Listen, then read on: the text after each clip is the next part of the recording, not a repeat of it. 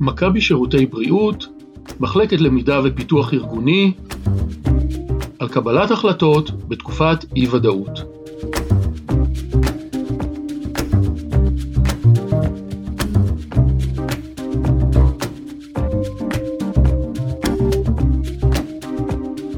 דוקטור חגי פרנקל ודוקטור רושי שוהם קראוס.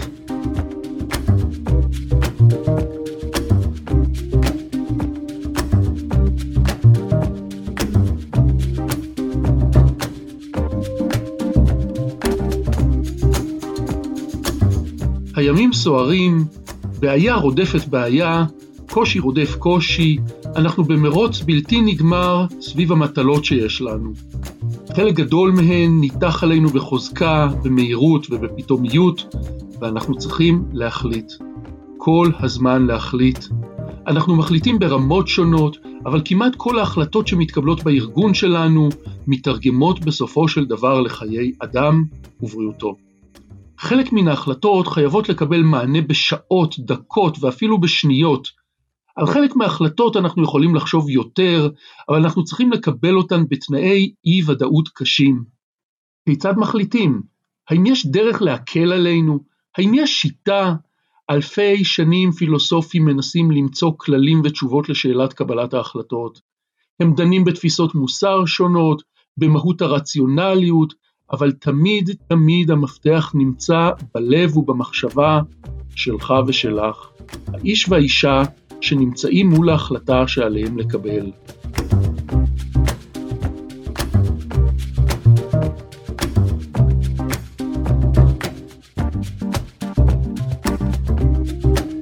שלום, כאן דוקטור רושי שוהם קראוס, והיום במסגרת בית הספר של חודש ספטמבר, אנחנו לומדים על קבלת החלטות ומכירים את אופן החשיבה המיוחד של דוקטור חגי פרנקל, ראש מחוז ירושלים שפלה במכבי שירותי בריאות.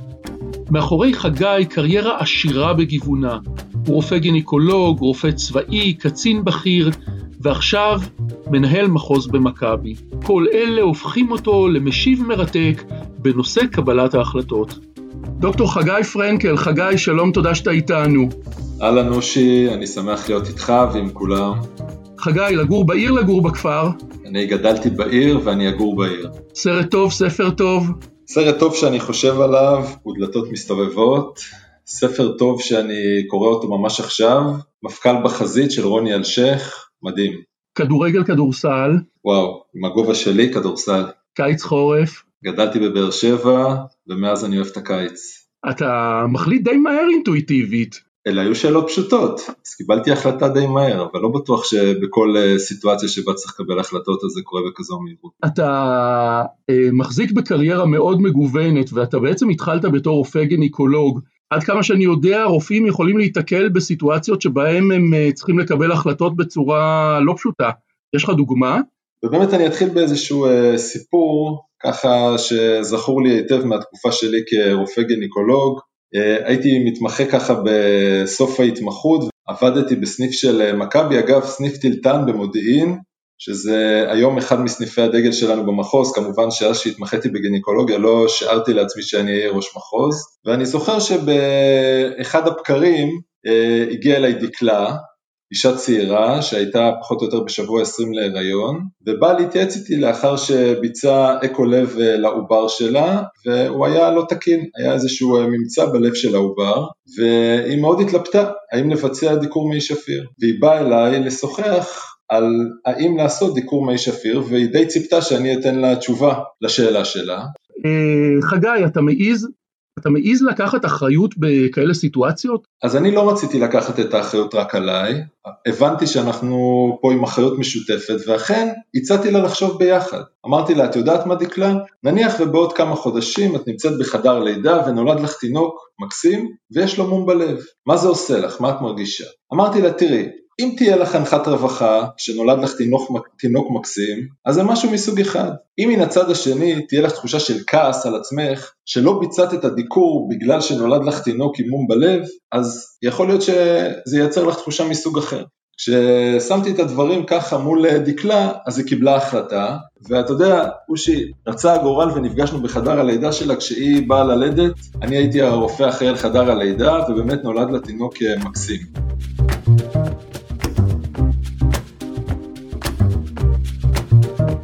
אני שומע אותך ואני תוהה אם, אני תוהה אם גיליתי איזשהו עיקרון שמשפיע או שמאפיין את קבלת ההחלטות אצלך, שאתה משתף בקבלת ההחלטות את האדם הרלוונטי ואתם בונים ביחד איזשהו תסריט, שאתה באיזשהו אופן הופך להיות פסיליטייטור של ההחלטה ועוזר לו להגיע, זה משהו שאתה לקחת איתך להמשך גם?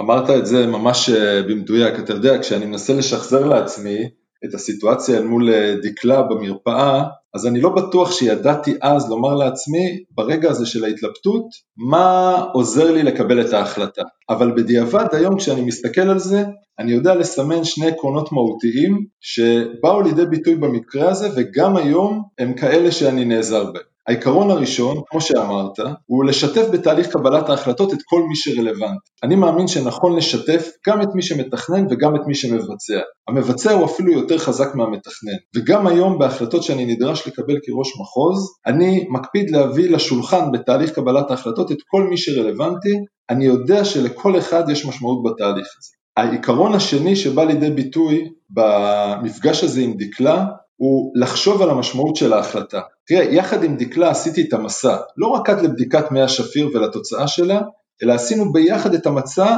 עד לתוצאה שהיא יותר מוחשית, לתוצאה של לגדל ילד עם מום בלב. ואני ממליץ לעצמי ולכולנו, בכל החלטה חשובה, לשאול את השאלה מה המשמעות של ההחלטה. גם לטווח הקצר וגם לטווח הארוך. אני בדרך כלל אוהב להסתכל 5-10 שנים קדימה על החלטה חשובה.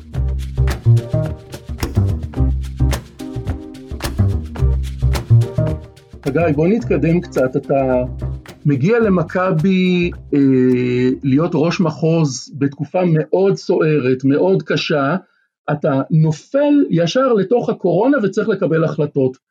איך בכלל מתחילים להתמודד עם תיק כזה? שאלה מעולה. אה, אז אני אשתף אותך קצת שהצטרפתי למכבי בתחילת השנה, אחרי שירות ארוך ומשמעותי בצבא, ואחרי פרק זמן קצר מהצטרפותי למכבי מצאנו את עצמנו באתגר הגדול ביותר שמערכת הבריאות התמודדה איתו ever. לפני שהצטרפתי למכבי, אני חייב לומר לך שלא היה לי מספיק ברור מה זה קופת חולים, וגילוי נאות, קרה לי שחשבתי על זה קצת במונחים של הסתדרות, ומהר מאוד גיליתי שמכבי היא הכי הייטק שיש, ארגון חדשני, דינמי, שמשתנה מהר, עם אנשים יוצאים מן הכלל, עם רוח של עבודת צוות ושל יצירתיות ומהר מאוד התאהבתי. המפגש הזה עם התקופה של הקורונה עשה לי טוב, זו תקופה דינמית, תקופה של אי ודאות, תקופה מאוד מאתגרת, לפעמים אתה צריך לקבל החלטות של כאן ועכשיו ולפעמים אתה צריך לקבל החלטות לטווח היותר ארוך, זה בית ספר לקבלת החלטות התקופה הזו שלנו.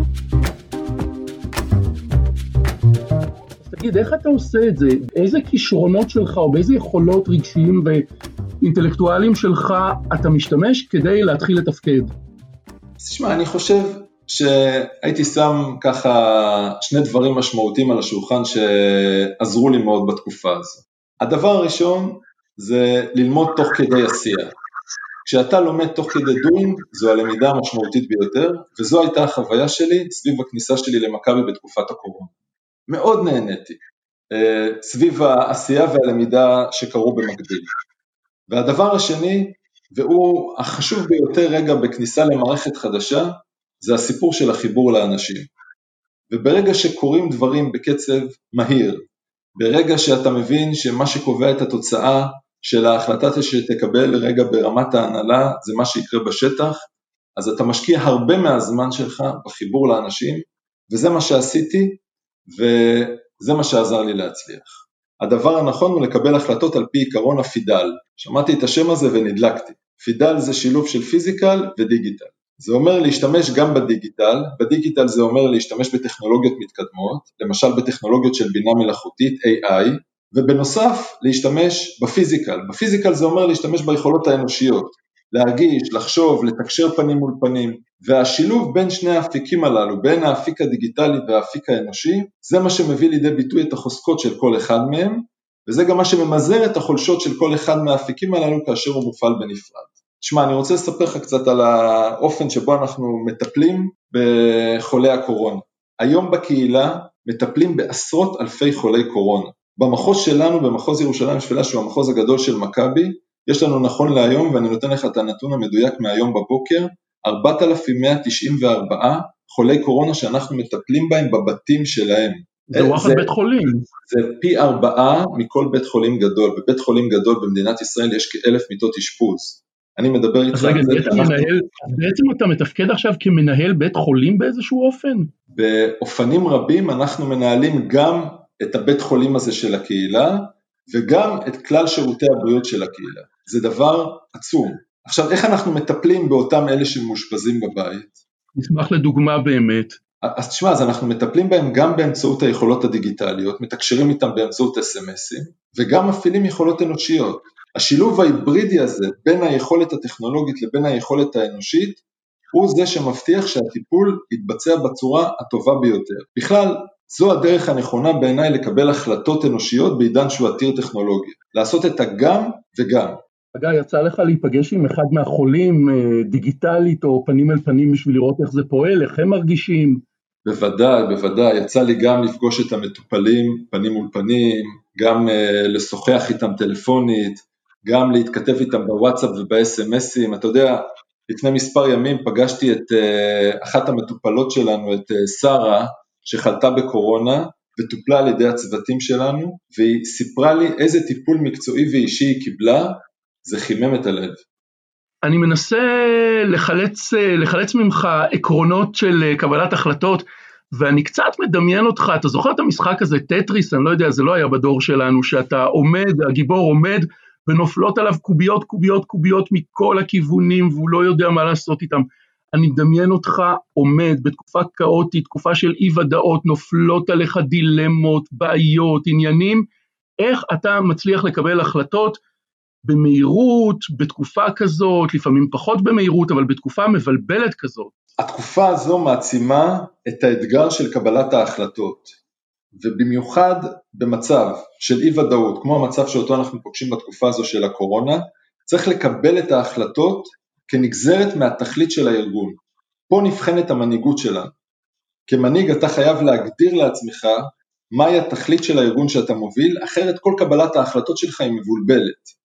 ואכן הגדרנו לעצמנו את התכלית של המחוז, לשפר את איכות החיים של הקהילה שלנו. אושי, המחוז שלנו הוא המחוז הגדול של מכבי, יש לנו קהילה של 600 אלף חברים, יש לנו אחריות גדולה לאיכות החיים שלהם. בתקופת הקורונה התכלית הזו באה לידי ביטוי היטב, יש לנו אחריות לתת שירות מצוין לאנשים שלנו, לחברים שלנו. ומפה הכל מתחיל, כשלאנשים ברורה המשמעות, כאשר אנשים יודעים לשם מה עושים את מה שהם עושים, כשלאנשים התכלית מובנת, נוח יותר להשקיע את המאמץ. אני חוזר לדקלה, אני חוזר לדקלה כי זה נורא נורא דומה למה שעשית עם דקלה. אתה יושב איתה, מסתכל על מה שקורה בסוף וגוזר את הפעולה מהתכלית או מהרגשות שיש בסוף. בדיוק, ממש ככה. כשאתה מבין לאן אתה רוצה ללכת, מה כוכב הצפון שלך, מהם הערכים שמובילים אותך, הרבה יותר קל לך לנתב את הדרך. כלומר, אתה נמצא בעומס, העובדים שלך נמצאים בעומס, בגודש, אתה אומר שברגע שאתם יודעים בסופו של דבר לאן הדרך הולכת, ההחלטות יכולות להיגזר יותר בקלות. גם קל יותר לקבל את ההחלטות של כאן ועכשיו, כשאתה מבין מה המשמעות לטווח הארוך של ההחלטות הללו, וגם לאנשים יותר קל להשקיע, לתת את הנשמה ולעבוד כל יום כאילו אין מחר, כי הם מבינים שהם פה בשביל דבר גדול.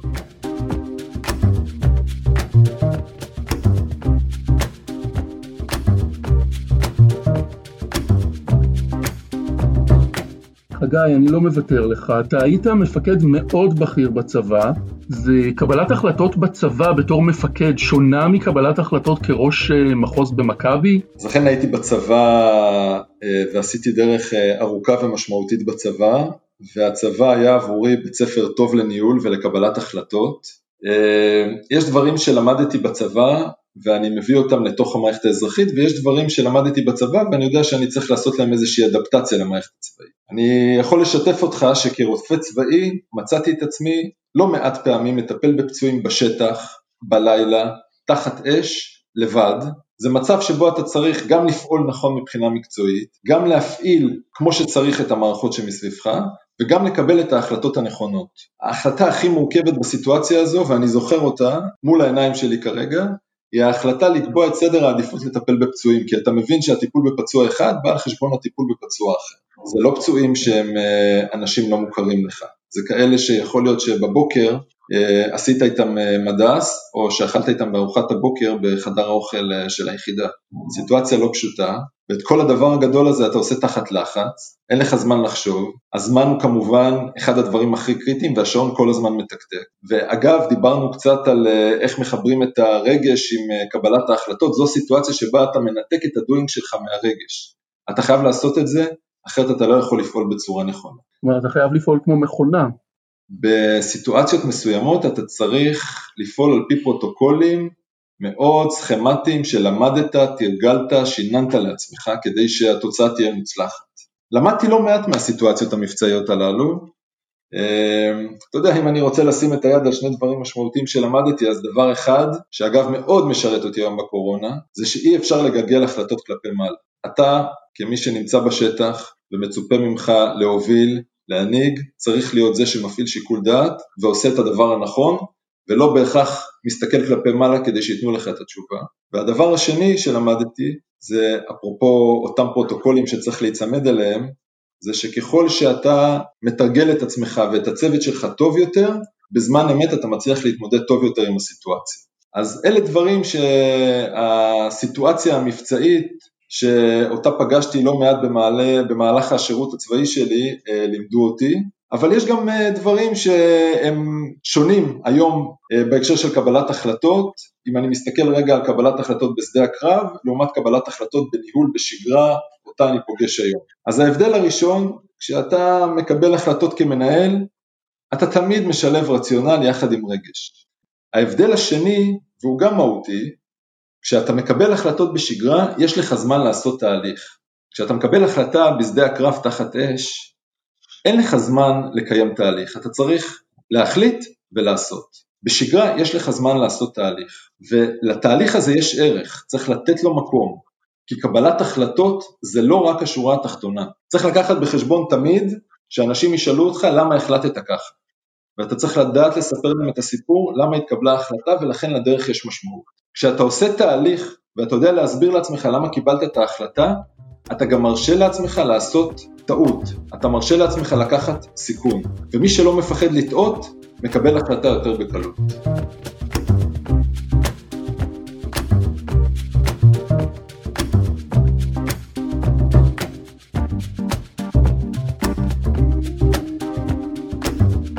אתה עכשיו אה, נמצא בקרב מול הקורונה, או יושב בחדר ומקבל החלטות אה, עם המון אה, מחשבה ותכנון? אני חושב שמה שמאפיין את התקופה שלנו זה הגם וגם. אני נדרש גם לקבל החלטות של כאן ועכשיו, קצת כמו בסיטואציה קרבית, ואני נדרש גם לקבל החלטות שיש להן משמעות לטווח היותר ארוך, ולכן אני נדרש לעשות תהליך תכנון רגע אחד לפני שאני מקבל את ההחלטות הללו. חגי, מה ההחלטה הכי קשה שקיבלת ניהולית בתקופה הזאת? שמע, אני חושב שגם בתקופה הזו וגם בכלל, ההחלטה הניהולית הכי חשובה שלי, by far, היא לבחור את האנשים הנכונים. אז אני אשתף אותך קצת באיך אני בוחר את האנשים הנכונים, כי אני תמיד שואל את עצמי את השאלה הזו, איך אני בוחר את האנשים, ואני רוצה פה קצת לשתף את האנשים במה מוביל אותי בבחירת אנשים. אני רוצה את האנשים שלי מקצוענים, סקרנים, כאלה שיודעים לעבוד בצוות, כאלה שמייצרים גיוון של הצוות, זה דבר שהוא מאוד חשוב. אני חושב שצוות צריך להיות uh, מגוון, צריך שיהיה מגוון דעות בצוות, צריך שהצוות יהיה מגוון מבחינה מקצועית, צריך שהצוות יהיה מגוון מבחינת הג'נדר. אני אוהב לבחור את האנשים שהם לא בדיוק כמוני, כאלה שייתנו איזשהו גוון אחר מהגוון שאני יכול להביא לרשת, מהגוון שאני יכול להביא לצוות. אני מחפש באנשים שאני בוחר שיהיו יחד איתי עוד שלושה מאפיינים רכים. אומץ לעשות, אומץ לפעול, תשוקה וחיוניות ומחויבות. אני רוצה אנשים שהם engaged. דיברנו קצת קודם לכן על הסיפור של אה, החיבור בין הרציונל לבין הרגש, אז כשאני mm-hmm. בוחר את האנשים, אז לצד כל הקריטריונים הרציונליים הללו שכרגע דיברנו עליהם, אני משאיר לעצמי עוד מקום משמעותי לדברים שאני קורא להם אינטואיציה. האינטואיציה זו התחושה, זו החוויה שנוצרת לי במפגש עם האנשים. ההחלטה הזו לבחור את האנשים היא ההחלטה הכי חשובה. אני יכול להגיד לך שמניסיוני במחוז, היכולת להביא תוצאות, היכולת להשיג יעדים, קשורה בנבחרת מעולה של אנשים. כאשר אתה מצליח לגבש את הנבחרת הזו, השמיים הם הגבול. אני אתן לך דוגמה, אחד היעדים האסטרטגיים שלנו במחוז הוא לצמוח. ותוך כדי ההתמודדות עם אתגרי הקורונה, הצלחנו במחוז לצרף אלינו במעברים האחרונים מספר יוצא מן הכלל של חברים חדשים. זה מצליח רק בזכות רשת של אנשים מצוינים שעובדים יחד ומובילים יחד איתי את המחוז.